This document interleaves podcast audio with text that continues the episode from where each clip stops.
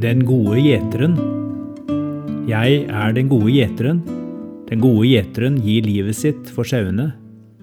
Johannes 10, 11. Salme 23 om Herren som hyrde er trolig den mest leste salmen i Salmenes bok.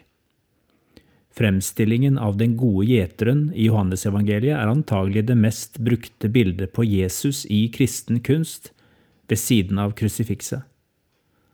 Hyrdemotivet ser ut til å treffe i alle livsfaser, enten man er barn, ungdom, voksen eller gammel.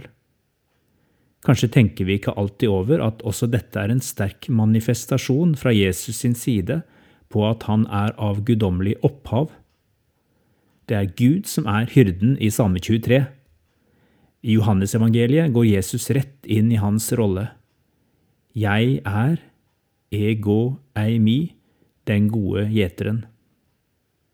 Man kunne være en god gjeter på Jesu tid, selv om ikke det alltid var mulig å beskytte flokken mot ulv eller annet rovdyr.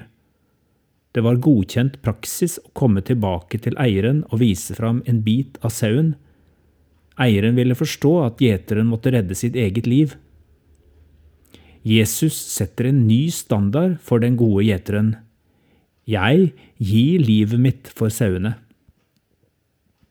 Av de utallige fremstillingene jeg har hørt om den gode gjeteren, er det en detalj som har festet seg, noe jeg hørte da jeg var på vei inn i voksenlivet. En venninne av meg hadde laget en enkel sangstrofe etter å ha hørt at gjetere på Jesu tid pleide å ha en lomme på innsiden av kappen.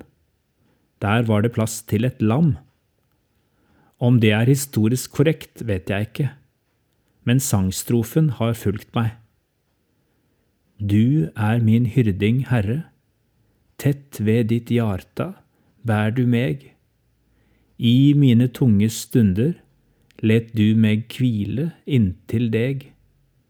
Der finner jeg kraft og styrke. Du gir meg trøyst og ro. I med og motgang, Herre, er du min hyrding, sterk og god. Så personlig og intim kan vår relasjon til Jesus være? Han som går ut og leter etter den ene sauen som er borte, selv om han fortsatt har 99 hos seg. Lukas 15